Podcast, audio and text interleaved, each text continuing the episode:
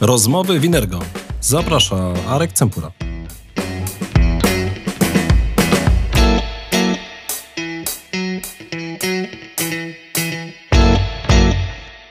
Dzień dobry wieczór się z Państwem, bo nigdy nie wiem, kiedy to oglądacie lub kiedy tego słuchacie. Marek Cempura i Rozmowy Winergo.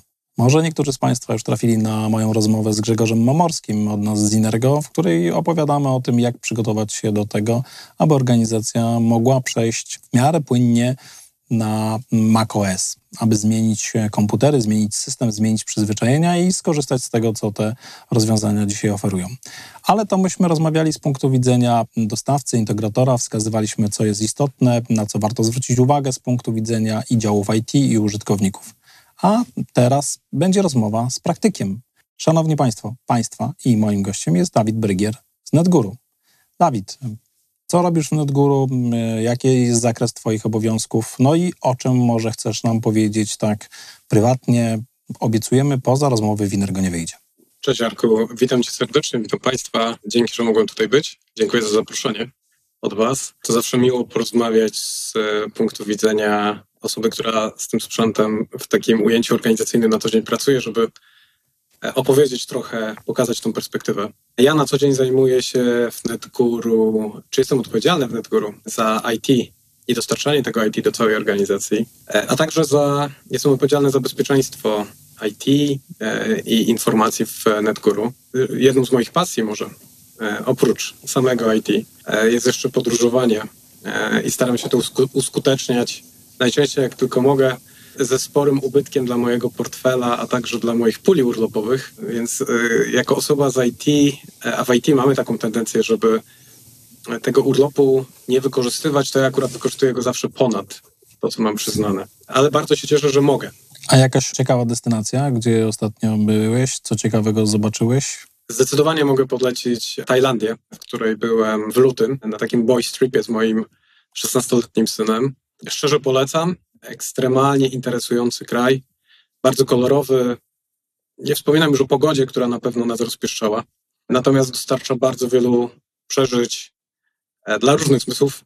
Jeśli ktoś lubi podróżować, jak najbardziej. Jeśli ktoś uwielbia jeść, tym bardziej bardzo polecam.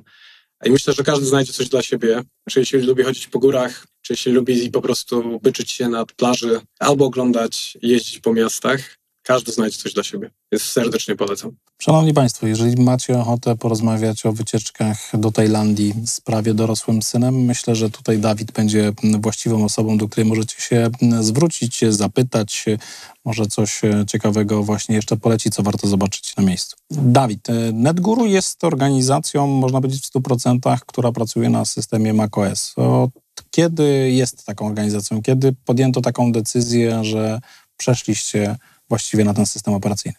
Takim punktem zwrotu e, to było już teraz ponad 10 lat temu, kiedy jeden ze współzałożycieli naszych, Wiktor Schmidt, zdecydował, że pracownicy i cała firma będzie pracować na Macach. Wynikało to z jego bezpośrednich doświadczeń, z faktu, że po prostu bardzo dobrze jako programiście, menadżerowi, no wtedy on miał bardzo dużo tych czapeczek, które nosił, po prostu bardzo dobrze się pracowało na Macach, dużo lepiej niż na Windowsach. Był zdecydowanie dużo bardziej niezawodne, a jako programiście po prostu pracowało mu się przyjemniej. W tamtym czasie organizacja miała, jeśli dobrze pamiętam, niecałe 30 osób, więc muszę powiedzieć, że wtedy był to bardzo taki śmiały i odważny, jak na polskie realia, wybór. No i od tamtego czasu rozwijając się bardzo dynamicznie przez te wszystkie lata, praktycznie pozostaliśmy wyłącznie w tej konfiguracji i nie mamy zamiaru zmieniać. To też jest chyba bardzo ważne. To jest dosyć ciekawa informacja, czyli tak naprawdę 10 lat doświadczeń, tak naprawdę od firmy, która była mała i zaczęła funkcjonować na tym systemie i tak naprawdę jakby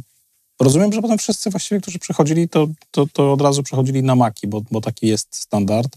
No i tak naprawdę od tam tych dwóch lat jakby wymieniacie pomału konsekwentnie flotę na tą, która jest z procesorami Apple Silicon, więc myślę, że tutaj odczuwacie też jakby kolejne korzyści. Czy tak jest? Czy jakby zauważacie zmianę może w ten sposób, tak? Bo dosyć dużo mówi się w przestrzeni publicznej o tym, że te nowe chipy od Apple zmieniły coś. E, wielu ludzi to potwierdza, no ale tu chciałbym jakby zapytać organizacji, która no, ma 10 lat doświadczeń, która tak naprawdę przeszła przez, e, przez cały rozwój urządzeń w tym okresie czasu, no i dzisiaj korzysta chyba, w, to jest kilkaset e, komputerów właśnie makowych i to też duża część już z procesorami serii M.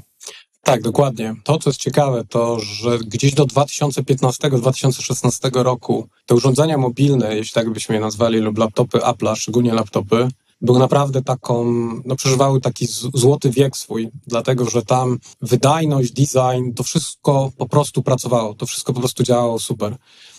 Ja bym powiedział, że był taki troszkę gorszy okres między latami 2016 a latami 2020, gdzie e, design był dużo ważniejszy dla Apple'a niż może wydajność. Natomiast no nie było źle. To było cały czas, z mojego przynajmniej punktu widzenia jako administratora też, czy osoby z historią administratora, i tak to było dużo bardziej smooth doświadczenie niż na komputerach laptopach klasy Windows. Natomiast rzeczywiście wprowadzenie silikonów w 2020 roku, no to była pewna rewolucja, dlatego że okazywało się, że urządzenia klasy tej niższej, takie jak MacBook Air, czy te niższe modele MacBooków Pro, prześcigały o lata świetlne bardzo mocne, właściwie najmocniejsze procesory mobilne Intela. Dla nas to był trochę tak, jakbyśmy, mm, wiecie, jechali w e, Maglewie, pociągu takim bardzo szybkim i przyszli się do rakiety. Tak naprawdę wszyscy zauważyli bardzo duży przeskok. Rzeczy po prostu działały dużo szybciej, dużo sprawniej.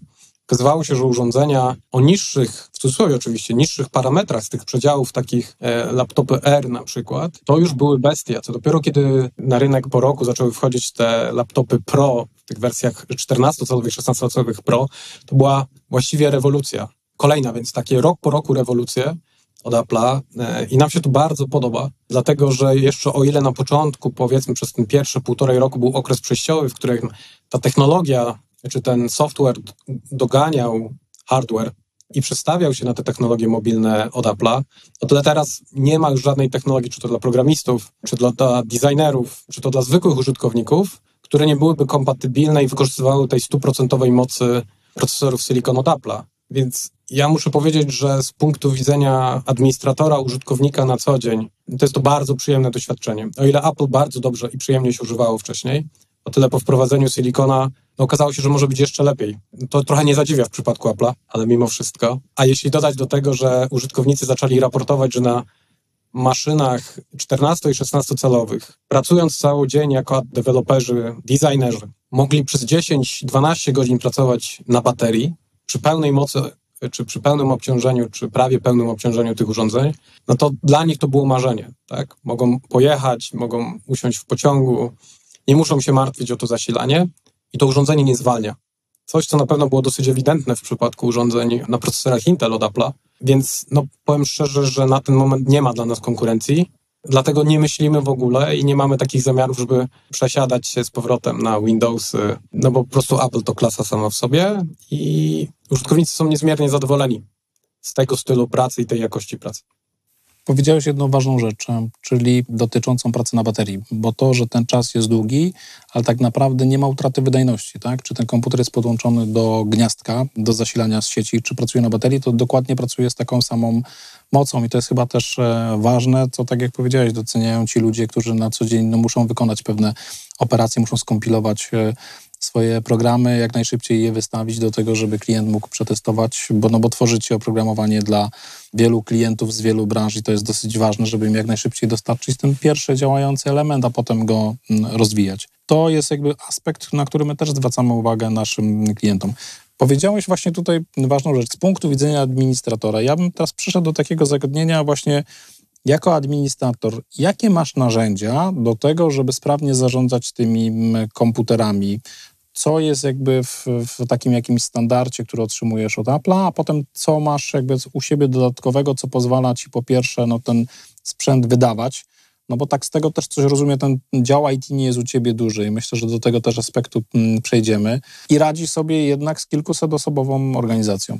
Myślę, że dla nas, kiedy dołączyłem do, może powiem inaczej, kiedy dołączyłem do NetGuru, nie zarządzaliśmy tą flotą w taki sposób, jak robimy to dzisiaj, to na pewno. Natomiast nie zarządzaliśmy tą flotą MacBooków, wtedy już prawie 400 MacBooków, yy, przepraszam, 300 MacBooków w organizacji, w taki sposób, który by nam umożliwiał te wszystkie kwestie administrowania pewnymi ustawieniami lub nawet po prostu ułatwiania życia naszym użytkownikom ze względu na to, że pewnych rzeczy nie musieli się martwić, nie musieli robić. Więc przyjmijmy, że nie mając nic, my to poznawaliśmy też. Więc dla nas teraz to jest bardzo naturalne.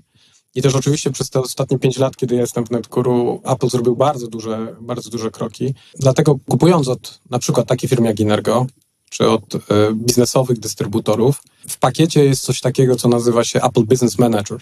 I porównując to powiedzmy do tych klas biznesowych urządzeń od na przykład Windowsa, przewaga jest taka, że każde z tych urządzeń automatycznie może być zarządzalne. Nie trzeba robić żadnych magicznych rzeczy, zamawiać specjalnie z fabryk, kontaktować się tylko z odpowiednimi klasami dystrybutorów.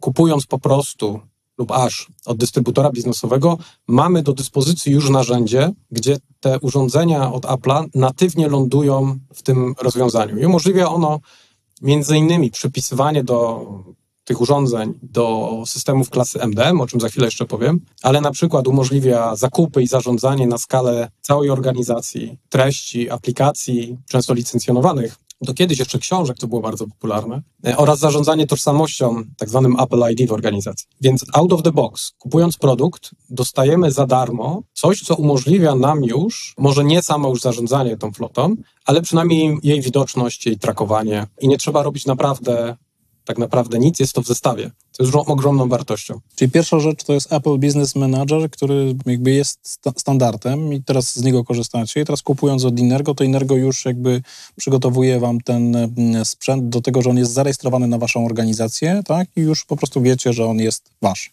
Tak, to jest olbrzymi plus. Tutaj już bym pochwalił Inergo przy okazji, dlatego że Przekażę. W niektórych Dziękuję. Niektórych, mm, u niektórych partnerów biznesowych ten proces jeszcze jest troszkę manualny. Trzeba przypominać, trzeba, trzeba mówić, pamiętajcie, wpiszcie kolejne zamówienie tutaj do ABM-a, czyli Apple Business Managera w skrócie. Pamiętajcie o tym, żebyśmy później nie mieli niespodzianek. W przypadku Inergo to jest po prostu OK, we know it, Wiemy o tym, oczywiście za każdym razem to dla Was robimy, nie musicie się już o to martwić. I my po prostu dostając taką partię, te urządzenia już w tym Apple Business Managerze są. I nie musimy się o to martwić. To też jest jedna z tych kwestii, gdzie możemy odjąć sobie pewnej odpowiedzialności i pewnych zadań, które normalnie musielibyśmy sami tym zarządzać, pilnować, pewnie musielibyśmy mieć zasoby na to, dodatkowe, żeby tym zarządzić lub zbudować jakieś, jakieś automatyzacje do tego. No i przechodząc dalej do tego MDMA, tak, czyli systemów klasy Mobile Device Management, no tutaj w przypadku Apple'a możliwości jest, urządzeń Apple'a możliwości jest kilka,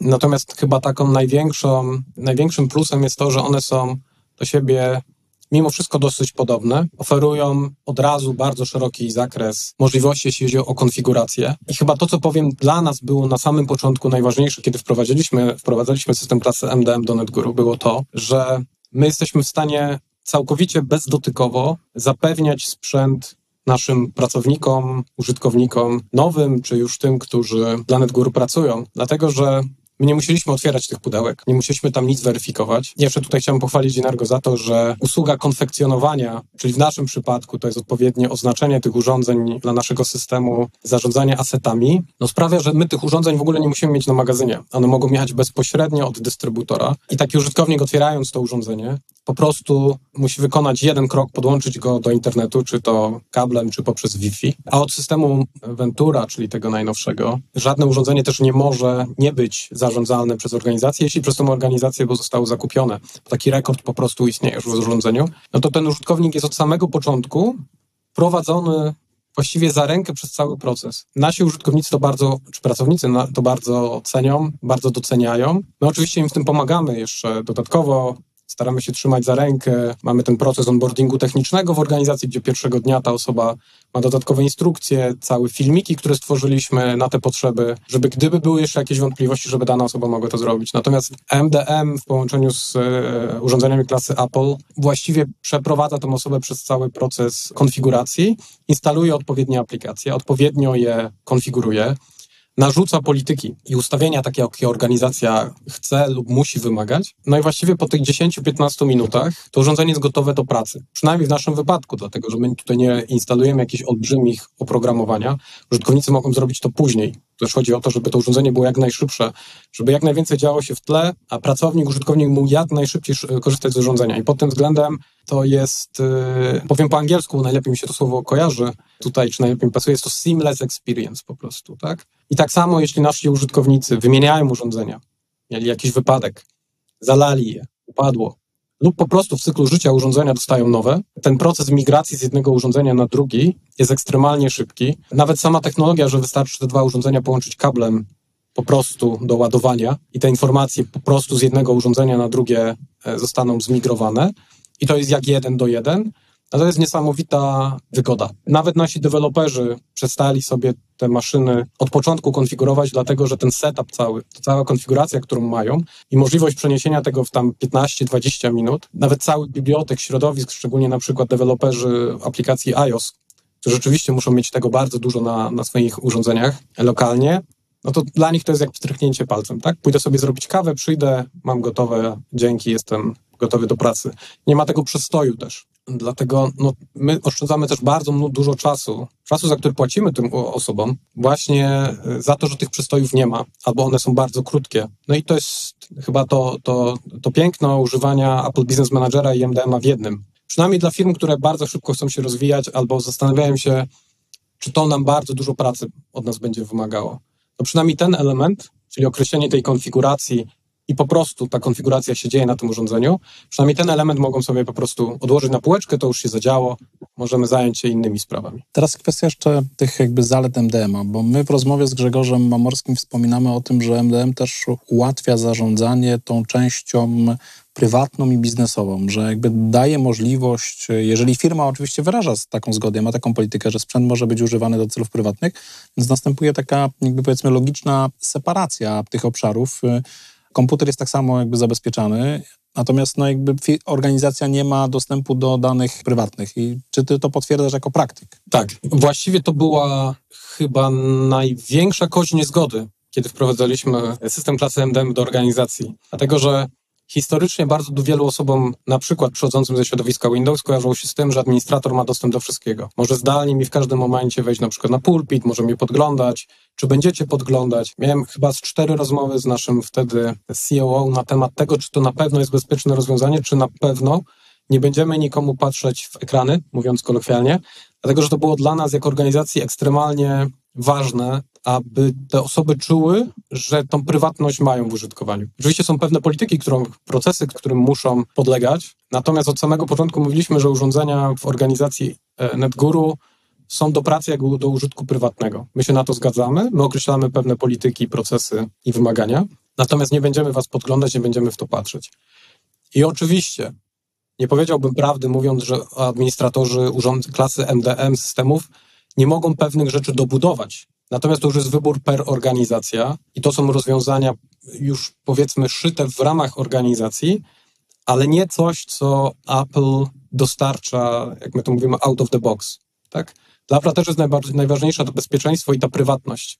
Dlatego ja jako administrator nie mam dostępu do plików na urządzeniu e, naszych pracowników. Nie mogę podglądać na przykład lokalizacji tych urządzeń, ale to wynika wszystko z pewnych uwarunkowań i z pewnej polityki Apple'a, która przez producentów systemów MDN w pewien sposób musi być respektowana. Powiedziałeś kwestię bezpieczeństwa. Ja bym poruszył ten temat, bo tutaj też dosyć często my o tym rozmawiamy na różnego rodzaju prezentacjach, podczas spotkań z klientami podkreślamy ten aspekt dotyczący bezpieczeństwa całego systemu, czyli systemu w ogóle, który z definicji jest bezpieczny, rozwiązań Apple'a, które też wspierają to bezpieczeństwo, rozwiązań Apple'a, które wspierają prywatność. Jak to wygląda z Twojego punktu widzenia?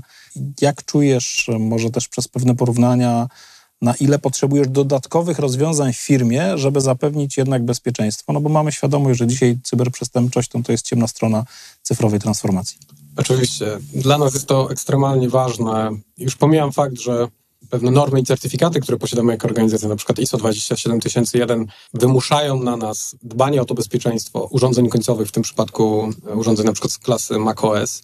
Więc mamy, pewne obowiązki mamy wynikające z procedur. Natomiast w przypadku urządzeń klasy Mac czy urządzeń Apple jest to o tyle, nie chciałbym powiedzieć prostsze zadanie, ale naprawdę Apple nam pomaga tutaj, ze względu na to, że system operacyjny jest bardziej zunifikowany. On jest dostosowany i bardzo mocno zintegrowany z, z tą częścią sprzętową. Przez to też pewne rzeczy wynikające z bezpieczeństwa czy zagrożeń bezpieczeństwa mitygowane są już na poziomie tego hardware'u tak zwanego, tak? czyli tego sprzętu, na którym to działa. Samo Apple zapewnia kilka modułów, właściwie od ostatnich dwóch wersji systemu operacyjnego, czyli Monterey i Ventury. Tak naprawdę jest cały ekosystem bardzo mocno zbudowany, żeby natywnie wspierać coś takiego jak, można powiedzieć, natywny, wbudowany e, antywirus czy mm, system klasy Endpoint Security, który oczywiście można dalej rozszerzać o urządzenia, czy elementy zewnętrzne, czy produkty zewnętrzne. I o tym za chwilę też powiem.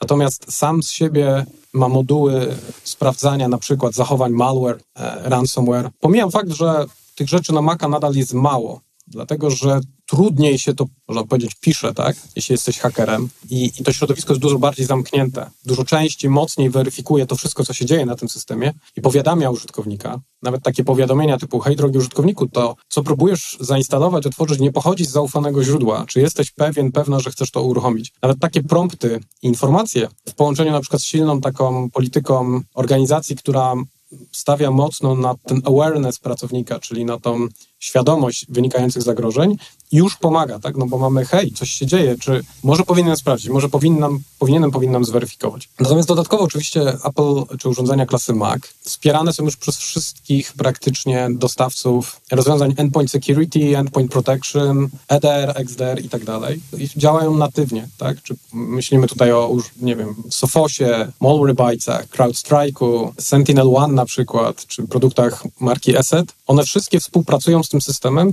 wspierają go, no i działają, muszę powiedzieć, dosyć dobrze. Przez te kilka poprzednich lat to nie zawsze było takie seamless, natomiast na ten moment, widząc pewnie też to, jak mocno marka Apple rozwija się wśród organizacji, te rozwiązania muszą gonić za tym, co jest oferowane na przykład dla systemów klasy Windows, żeby być na równi.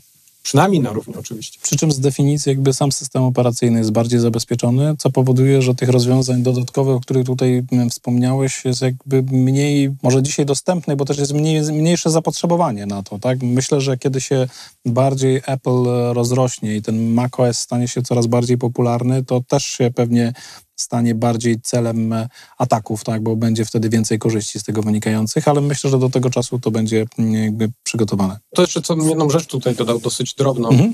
Niektórzy producenci oprogramowania MDM czy sam Apple są tak pewni tych wbudowanych rozwiązań, że na przykład firma Jump, który jest dostawcą jednego z takich wiodących systemów MDM, e, w swojej ofercie posiada coś takiego, jak coś nazywa Jump Protect i to jest system, który ma zastąpić całkowicie Endpoint Security, Endpoint Protection dla urządzeń klasy Mac i on opiera się całkowicie na natywnych rozwiązaniach od Apple'a i po prostu dodatkowo rozwija pewne kwestie monitoringu tych urządzeń, scentralizowanego informowania administratorów, ale oni są tak pewni tego rozwiązania i tak dużo firm, tak naprawdę enterprise'ów skorzysta z tego, z tego rozwiązania już na ten moment, że wzbudza to poczucie, że to naprawdę bardzo dobrze działa. Skoro ktoś, największy dostawca oprogramowania MDM na świecie wspierającego urządzenia klasy Apple, zdecydował się, żeby korzystać właśnie, czy wykorzystać to właśnie w ten sposób, a nie budować to na zewnętrznych produktach, czy budować kolejny produkt tej klasy. No tak, Jamf tutaj ma podstawową też zaletę, bo jest y, cały system MDM jest gotowy na zawsze na tak zwany dzień zero, tak? To jest dosyć intensywna współpraca z Applem, to jest jakby powiedzmy taki dosyć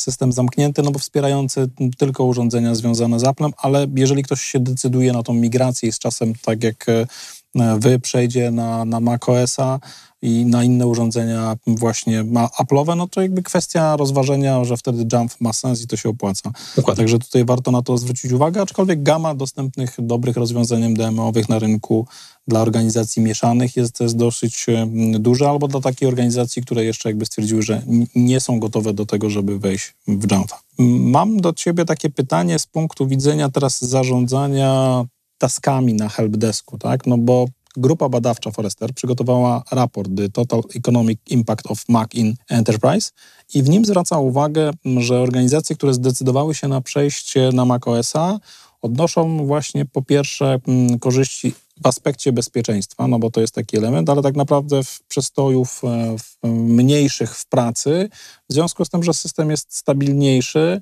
co powoduje, że tych zgłoszeń, właśnie tych tasków na helpdesku jest e, mniej zakładanych przez użytkowników. No i teraz jak z punktu widzenia twojego, znowu praktyka, tak? Bo my teoretycy mamy pewne rzeczy, mamy raporty, mamy też doświadczenia różnych firm, ale to jakby warto posłuchać, co, co praktyk na ten temat mówi. Ja się z tym e, zgadzam. My od samego początku istnienia działu IT w NetGuru byliśmy dosyć małym działem. I to, co było zawsze budujące, albo to, co nam zawsze bardzo mocno pomagało, był fakt, że użytkownicy byli w stanie rozwiązać bardzo wiele problemów z samym systemem. Co sprawiało, że mniej dużo nas pytali. Wystarczyła taka wskazówka, hej, tutaj masz artykuł w naszej wewnętrznej bazie, albo po prostu wewnętrznej bazie odsyłaliśmy ich do poradników od samego Apple'a, które na przykład mówiło, jeśli masz problem typu nie działa ci mikrofon, wykonaj sekwencję tych dwóch, trzech kroków i okazywało się, że to w 99% wypadków pomagało. Oczywiście nie chcę powiedzieć, że słynne włącz i wyłącz rozwiązuje większość problemów. To są szanowni oglądacze i słuchacze. No, my tutaj z Dawidem zaczynając tą sesję również przeszliśmy przez to podstawowe prawo e, IT włącz, wyłącz i okazało się, że to akurat zadziałało tutaj. Jak najbardziej. Natomiast no, ma, no, mamy taki, powiedzmy, dowcip w organizacji, tak? Pierwsza odpowiedź na wiele pytań jest, y, jeśli chodzi o na przykład, nie działa mi mikrofon, albo mam problem z tym, nie wyświetla mi się, na przykład mój monitor zewnętrzny przestał działać, mimo że jest podłączony do mojego Maca. I mówiliśmy, OK, a próbowałeś, próbowałeś zrestartować? No nie, ale na pewno nie pomoże. OK, no to spróbuj. No I się okazuje, ej, działa, a to działa. E, I nasi użytkownicy dzięki temu po prostu zaczęli tak sobie radzić z tymi problemami. I znowu, nie chcę powiedzieć, że to rozwiązuje wszystkie problemy. Oczywiście mamy dużo poważniejsze problemy niż zdarzają się, niż komuś nie działa, nie wiem, mikrofon, tak? Chwilowo. Ale one niekoniecznie wynikają z e, kwestii samego sprzętu, tylko czasami oprogramowania. Typu komuś zaktualizował się Chrome albo Safari, trzeba na przykład zrestartować któryś z produktów albo cały system i to po prostu zaczyna z powrotem działać. Plusem też jest to, że samo restartowanie MacBooka jest bajecznie proste, e, no i zabiera nawet na silikonie chyba to jest 15 sekund, tak, więc ten użytkownik, czy użytkowniczka, czy pracownik, pracowniczka, no tutaj kwestia ojejku, 5 minut będzie mi się restartowało, no, no nie działa. I to tak jak mówię, rozwiązuje większość problemów. No i to, co chcę powiedzieć, przez to nie mamy tej pracy tak dużo. My dużo więcej będziemy czy spędzamy czasu na rozwiązywaniu problemów na przykład z oprogramowaniem zewnętrznym lub oprogramowaniem cloudowym, na którym jako firma się bardzo mocno opieramy, niż samych problemów ze sprzętem. Dlatego, że tak jak powiedziałem i tak będę się trzymał, on po prostu działa out of the box. Bardzo często. I też tutaj chciałbym dodać jedną właściwie rzecz, bo to jest ważne. Tam w tym raporcie Forestera pojawia się też przykład firmy SAP. Firmą na jednej z największych flot Maców na świecie. To jest 40 tysięcy, już ponad 40 tysięcy MacBooków na chyba 100 tysięczną firmę. I oni rok do roku o 7 chyba czy 8% rośnie im adopcja Maców względem Windowsów w organizacji. Czyli ta szala się bardzo szybko przechyla.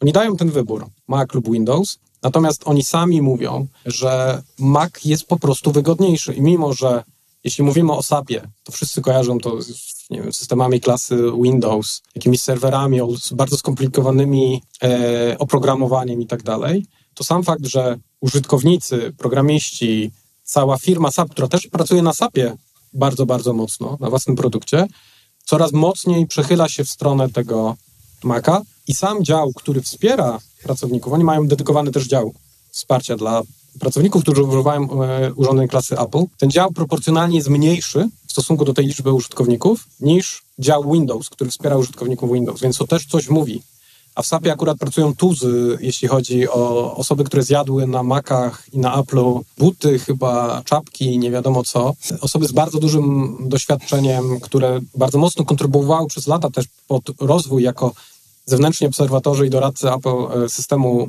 na przykład macOS, więc oni naprawdę robią tam dobrą robotę i mogą to robić mniejszą ilością zasobów i bardzo mocno na to wskazują. Takich firm oczywiście jest więcej, Chcielibyśmy kiedyś móc się pochwalić, że mamy takie rozwiązania i tak dobrze wspieramy jak SAP. Natomiast Apple sprawia, że jest to po prostu też łatwiejsze.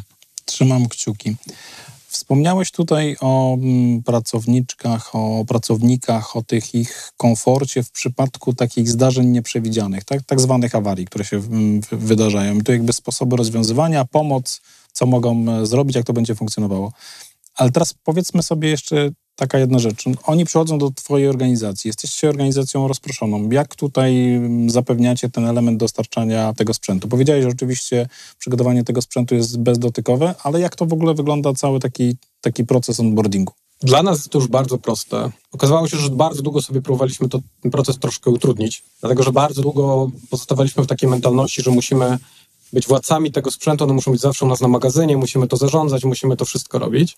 W naszym przypadku takim naprawdę dużym motorem zmian był sam COVID, kiedy rzeczywiście, jak wiele firm, musieliśmy się przestawić na ten taki moment, że nikt nie może nawet przyjść do biura, nikt nie może przyjść do magazynu, musimy to zrobić w jakiś inny sposób. Biorąc pod uwagę, że technologia, tak jak powiedziałem wcześniej, już wtedy, czy przez wiele lat już umożliwia dotykową konfigurację, czy ten tak zwany reprovisioning urządzeń Apple'a, czyli przywrócenie do stanu początkowego przez jednego użytkownika i powiedzmy konfiguracja od nowa przez kolejnego, z zachowaniem wszystkich wymogów bezpieczeństwa, typu żeby ten dysk był sformatowany i tak dalej, e, no to z, z, uwagi na to wszystko, że, było, że to już mieliśmy, tak, to już było, to dostarczał producent, to dostarczały rozwiązania klasy MDM, to co musieliśmy sobie zrobić, to zbudować sobie z jakimś partnerem taki system, w którym ktoś mógłby nam dostarczać te urządzenia, mógłby je dla nas przechowywać i mógłby je dla nas dystrybuować. E, udało nam się to zrobić z Inergo. To też był jeden z naszych warunków takiej współpracy, że znajdziemy, że Inergo będzie firmą, która będzie chciała coś takiego z nami zrobić i to się udało. I dzięki temu, jeśli ktoś przychodzi do nas do organizacji, to jedyną rzeczą, którą u nas osoba odpowiedzialna za sprzęt w organizacji musi zrobić, to zweryfikować tylko, że ta osoba ten zamówiony sprzęt może mieć, bo oczywiście też mamy pewne progi. Pewne osoby w organizacji mogą mieć pewne typy czy klasy urządzenia. Na przykład nie wszyscy mogą mieć 16-calowe M1 lub M2 Pro, bo na przykład absolutnie wystarczającym byłby MacBook Air M2, który jest już mega szybki. Więc to weryfikuje i właściwie po jednym kliknięciu rozpoczyna się podróż tego laptopa, dlatego że automatycznie alokuje on w naszym przypadku, nasz system alokuje pierwsze urządzenie, które spełnia wymagania w magazynie Inergo, kontaktuje się poprzez zapis z DHL-em, bo akurat używamy DHL-a jako, nasz, jako naszego dostarczyciela usług logistycznych. I po jakichś trzech minutach nasi koledzy w Inergo dostają maila z adresem, listem przewozowym. Jedyne, co muszą zrobić, to pójść na półkę, znaleźć tego laptopa, zapakować go jeszcze w tak zwany nasz welcome box, czyli taki box, w którym jeszcze dodatkowo jest jakaś tam plecak NetGuru, jakieś brandingowe rzeczy na powitanie, jeśli to jest nowy pracownik. I właściwie zaklejają taśmą, przyklejają etykietę, no i czekają na kuriera. Cała operacja nie powinna zająć więcej niż 10-15 minut per urządzenie. Jeśli tych urządzeń jest więcej, to tak naprawdę ta operacja się skraca, dlatego że wiadomo, że tutaj zadzieje się e, pewna optymalizacja tego ze względu na skalę. Natomiast tego, czego my nie musimy już robić, to my nie musimy lokalizować, przemieszczać się, tak nikt nie musi od nas jechać do tego biura, nie musi tego laptopa brać fizycznie w ręce, nie musi sprawdzać, czy on jest tam czysty, czy jest sformatowany i tak dalej, tylko robi to za nas po prostu Inergo. Mówiąc tak w dużym uproszczeniu. Bardzo podobno wygląda proces, jeśli ktoś odchodzi albo chce wymienić sprzęt. Składają pewne zlecenie u nas w systemie, system weryfikuje, czy oni mogą ten sprzęt wymienić, ktoś tylko sprawdza, OK, daje OK, OK i ten proces wygląda identycznie. Jeszcze kurier do nich przyjeżdża z listem przewozowym zwrotnym i może tę paczkę od razu zabrać, jeśli ktoś już na przykład tego starego MacBooka ma gotowego, a jeśli nie, no to może po paru dniach ten kurier przyjechać. I to jesteśmy w stanie zrobić naprawdę na bardzo dużym obszarze, Y, powiedzmy geograficznym, gdzie nasi pracownicy są ulokowani, czy gdzie w danym momencie przebywają, bo to też jest ważne, że pewne rzeczy, że wiele rzeczy nie musi się zadziać na terenie Polski. Okej, okay, tu jak gdyby pod tym kątem my się też przygotowaliśmy, no bo tak naprawdę dwa lata temu rozpoczęliśmy inwestycję, ona w zeszłym roku się skończyła, mamy nowe centrum logistyczne, które jest właśnie przygotowane w dużej mierze pod tego typu projekty, bo pod standardowe E, zamówienia, które wysyłamy do klientów, którzy dopiero zaczynają z nami współpracować, ale właśnie też te doświadczenia, które mamy z Wami, pokazały, że możemy klientowi zaproponować całkiem inne doświadczenie, całkiem inną usługę, właśnie jeszcze kompletację tych wszystkich rzeczy, o których mówisz w tym welcome packu, no bo to też jest ważne, tak? Jakby I tak to trzeba wysłać z któregoś miejsca. Ważne, żeby to dotarło w jednym czasie do pracownika. Dawid, będziemy pomału podchodzili do lądowania, jak ja to mówię tutaj w, w, w rozmowach Inergo. Ja mam do ciebie tak naprawdę jeszcze takie dwa pytania. Co byś powiedział firmom, które są na rozstajach dróg? Czyli tak naprawdę one tak jakby dotykają tego maka, patrzą na niego mm, i zastanawiają się, czy warto to zrobić. Często rozbija się taka kwestia, dyskusja jest, a, bo to urządzenie jest drogie, dopóki właśnie nie siądziemy i nie podsumujemy jakby totalnych korzyści z jego, z jego wdrożenia. Co ty jako już ten praktyk, taki ponad pięcioletni ze swoim doświadczeniem tutaj mógłbyś e, powiedzieć? Ja bym zadał to pytanie pewnie troszkę inaczej, gdybym był taką organizacją. W stosunku do tej ceny początkowej, jakie duże będziemy mieli te koszty stałe w czasie eksploatowania tego urządzenia? Czyli na ile będziemy musieli je wspierać, jak to nam się przełoży na przykład na zwiększenie kosztów zatrudnienia dodatkowych osób do działu helpdesku czy serwis desku jak te urządzenia często mogą się psuć. No nie będę tutaj porównywał do żadnych producentów, natomiast mówimy tu generalnie o, o, o klasie systemów Windows i urządzeniach, które takie systemy wspierają, czy o producentach. I oczywiście te rozwiązania są bardzo dobre, natomiast jeśli spojrzymy sobie na to, że w dzisiejszym, w tym danym momencie urządzenia klasy Silicon tak, czy korzystające z e, procesorów Silicon Apple'a, ten taki mityczny 4-5-letni okres żywotności są w stanie naprawdę dobrze zachować. To, co bardzo było mocne, powiedzmy w tych latach 2010-2015, tak jak powiedziałem wcześniej w naszej konwersacji, ten taki powiedzmy złoty, złoty wiek urządzeń tych mobilnych laptopów Apple'a, no to on może nie rozpoczął się na nowo, ale, ale, ale Silicon jakby bije to jeszcze na głowę to weźmiemy pod uwagę to, że to urządzenie naprawdę dużo będzie, długo będzie nam służyć, no to ten koszt ekonomiczny na pewno jest równy, a jak nie niższy. Poza tym też bardzo mocno widzimy duży wzrost cen, czy przez ostatnie 3 lata duży wzrost cen naprawdę porównywalnych urządzeń klasy Windows na rynku biznesowych w stosunku do tych Apple'owych. Więc moim zdaniem osobiście ta różnica bardzo mocno się zatarła. Nie chcę mówić tu o konkretnych modelach, ale też to śledzimy na bieżąco i też widzieliśmy, że w wielu przypadkach te ceny były naprawdę bardzo podobne. Jeśli dodamy do tego to, co powiedziałem przed chwilą, no to zaczyna się zastanawiać, czy to naprawdę jest tak dużo pieniędzy w tym okresie 3-4-letnim. I dodatkowo to, co jeszcze myślę warto powiedzieć, to to, że z uwagi na to, jak urządzenia z procesorami silikon są wydajne, pewnie dla niektórych organizacji dużo łatwiej będzie, trudniej przekonać, ale kiedy już się przekonają i zrozumieją, jak dobre są te urządzenia, zacząć na urządzeniach niższej, powiedzmy, może nie niższej, bo ciężko powiedzieć, że to jest niższa klasa, ale tych urządzeniach, powiedzmy Apple MacBook Air, które są już bardzo wydajne nawet w stosunku do wyższych urządzeń i lepszych urządzeń, specyfikacją przynajmniej od e, klasy Windows, no to tutaj na pewno ten, ten taki okres migracji, czy tej tranzycji między, czy takiego, wiesz, przejścia, może spróbujemy, na pewno będzie dużo łatwiejsze, bo one są też po prostu tańsze. Jeśli chodzi o kwestie pozostałe, ja bym powiedział, że trzeba kierować się bardzo dużą otwartością.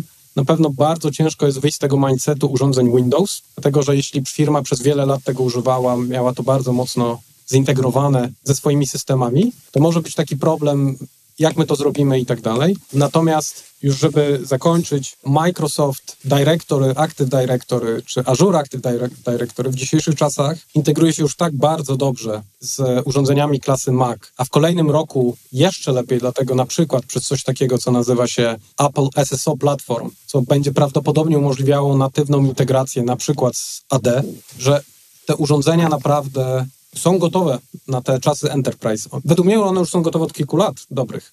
Natomiast naprawdę jest coraz mniej powodów, dlaczego nie spróbować i mniej argumentów, to się nie sprawdzi, to nam nie będzie działać, e, a, a, a, tutaj nie da się tego podłączyć, tym się nie da zarządzić. Sam Microsoft zresztą w ramach swojej usługi chmurowej Intune, czyli konfiguracji urządzeń, oferuje zarządzanie urządzeniami klasy Apple, czy to iOS, czy macOS. To też na coś wskazuje moim zdaniem. Okej, okay, tu bardzo fajnie powiedziałeś, że jest coraz mniej argumentów, żeby spróbować mm, przejść na macOS. Myślę, że żeby tutaj, nie spróbować. Właśnie. Żeby nie spróbować mm, przejść na macOS, tak, jest coraz mniej argumentów, żeby nie spróbować przejść na macOS. Myślę, że tutaj z kolegami z Apple pomyślimy nad tym, czy da się zrobić z tego slogan reklamowy. Jakby coś tutaj prawo pierwszeństwa należy do ciebie, to wrócimy.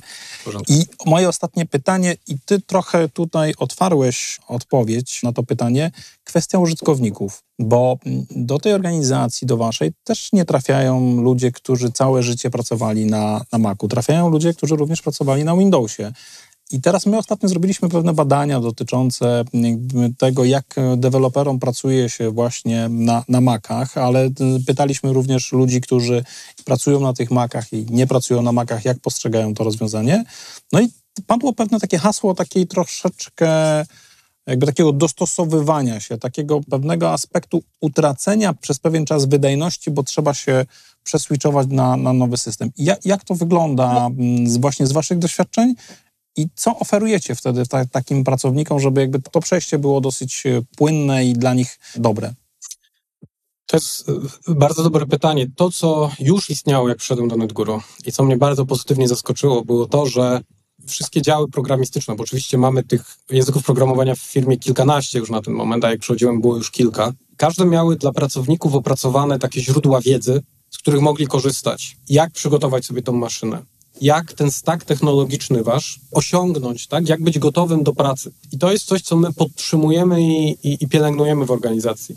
Czyli z jednej strony są te bardzo, są takie kwestie ogólne, jeśli chodzi o to, jak pracować z urządzeniami, jakie dajemy instrukcje, co prezentujemy w tym pierwszym dniu pracy pracownika, jakich informacji im udzielamy, co praktycznie z nimi robimy, jak, na co wskazujemy, gdzie te pozostałe informacje są dostępne, ale też same te środowiska, nazwijmy to wewnętrzne, deweloperskie, te internal communities nasze, pielęgnują to, żeby ci nasi na przykład deweloperzy albo osoby, które dołączają i wykonują inne funkcje, do tej pory pracowały na przykład na Windowsie, mogły się szybko zaadoptować. I to na pewno jest jakiś okres przejściowy. To tak samo, gdyby teraz chcecie przesiąść z macOSa na Windowsa. Nie będę o tym opowiadał, ale to jest też zawsze ciekawy temat, bo moim zdaniem tra tranzycja z, po z, powrotem na Windowsa jest dużo cięższa, ale może na inną e, sobie zostawmy tę konwersację. No myślę, że tu już umówiłeś się na kolejną rozmowę, myślę, że porozmawiamy. E, natomiast tak, e, ten okres pewnie, pewnie jest. Każda organizacja musi to wziąć pod uwagę.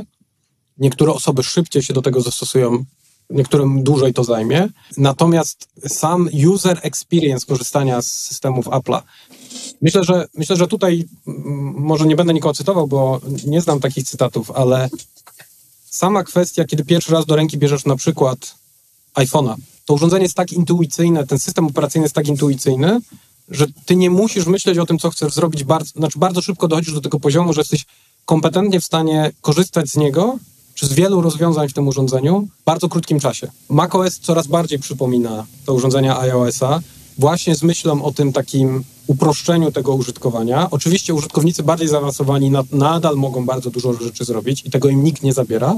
Natomiast dla tych użytkowników, którzy muszą zacząć na spokojnie oswoić się, jeśli na przykład już używają, jest to taka dodatkowa rzecz, jeśli używają na przykład na co dzień iPhone'a, to to przejście będzie ekstremalnie proste, rzekłbym. Jeszcze pięć lat temu to nie wyglądało tak. Od zeszłego roku już bardzo mocno jest podstawiony ten nacisk i jest to bardzo mądre z punktu widzenia Apple'a, żeby unifikować te pewne aspekty, które pozwolą na szybszą przesiadkę, szybsze dostrojenie się. Już nie wspominam o tej szybszej kooperacji, bo pracując obojętnie na jakiej roli, pracując z urządzeniem klasy iOS i macOS, otwierają się bardzo dużo nowych możliwości komunikacji, wymiany informacji między tymi urządzeniami, synchronizacji, co na pewno pomaga. Natomiast sam macOS, tak jak powiedziałem, jest coraz bardziej intuicyjny. Na pewno bardziej intuicyjny niż na przykład Windows 11 w dzisiejszych czasach. To mogę powiedzieć zdecydowanie, który i tak już jest lepszy niż Windows 10. Tutaj jeszcze kwestia dotycząca e, macOSa, jakby w połączeniu z procesorami serii M, no to też jest jakby taka zaleta, że te aplikacje iOS-owe można również otwierać i jakby korzystać z nich na komputerach Mac i to też jest ważne, tak, bo naraz się okazało, że jest jakby znacznie większa gama różnego rodzaju rozwiązań dostępna. Dawid, bardzo dziękuję Ci za tą rozmowę. Bardzo podoba mi się hasło, że właściwie masz coraz mniej argumentów, żeby nie przejść na macOSa. Myślę, że tutaj ja będę nad tym pracował, żeby z tego zrobić dobry slogan reklamowy Świetnie. i do Ciebie wrócę. Dziękuję Ci za Twoje doświadczenia. Jakieś jeszcze podsumowanie, jakaś wskazówka na koniec dla tych wszystkich, którzy no, stoją na krawędzi, którzy czują, ale jakby mają już coraz więcej argumentów, ale czasami potrzebują takiego lekkiego dotknięcia. E, chyba taka, takie jedno podsumowanie jest takie, że bardzo łatwo w dzisiejszych czasach jest spróbować z makiem w organizacjach, czy to w dużych korporacjach, czy w enterprise'ach, czy w mniejszych, dopiero startujących organizacjach, czy to z punktu widzenia samego wejścia takiego delikatnego, bez zarządzania, jak już, jak i już z zarządzaniem, z pełną konfiguracją m, mm, tych urządzeń poprzez na przykład systemy MDM. Dla mnie ona była na pewno łagodniejsza i przyjemniejsza niż jak wchodziłem w Windowsa. Tyle ode mnie. Polecam wszystkim, żeby się zakochać w urządzeniach Apple. Ja byłem olbrzymim, jeszcze ostatnie słowo, byłem olbrzymim przeciwnikiem, póki nie zacząłem z tym pracować na co dzień. Dlatego właśnie, że miałem bardzo dużo tych prekoncepcji na temat tego, jak to działa, że z tym się nie da robić tego, tego, tego, tego, tego. No a teraz jestem fanboyem, dlatego może nie do końca zawsze jestem obiektywny, Natomiast jeśli chodzi o tą warstwę konfiguracyjną, administracyjną, naprawdę mam to też porównanie i muszę powiedzieć, że jest dobrze. Dawid, bardzo dziękuję Ci za tą rozmowę. Życzę sukcesów, życzę jak najmniej stresów, jak najmniej problemów w zarządzaniu tą całą flotą. Bardzo dziękuję za dobre słowa dla Inergo. Szanowni Państwo, a jeżeli chcecie właśnie sprawdzić swoje doświadczenia z Maciem, chcecie wypróbować, jak on się sprawdzi w naszej organizacji, to zapraszamy do nas. Umożliwiamy robienie testów, przygotowujemy proof of concept, jesteśmy w stanie z Państwem przygotować pilota, jesteśmy w stanie przygotować sprzęt, który sobie przetestujecie, wypożyczycie od nas z naszym wsparciem, zobaczycie, jak to funkcjonuje i przekonacie się, że w Waszej organizacji również e, będzie to dostępne i myślę, że tutaj to, co Dawid powiedział, jakby z tego mm, sceptyka zmienił się w osobę, która powiedzmy kocha Maki, a jak w reklamie Apple mówi Mac loves IT, myślę, że tutaj IT loves Maca jest tutaj również jakby na, na miejscu.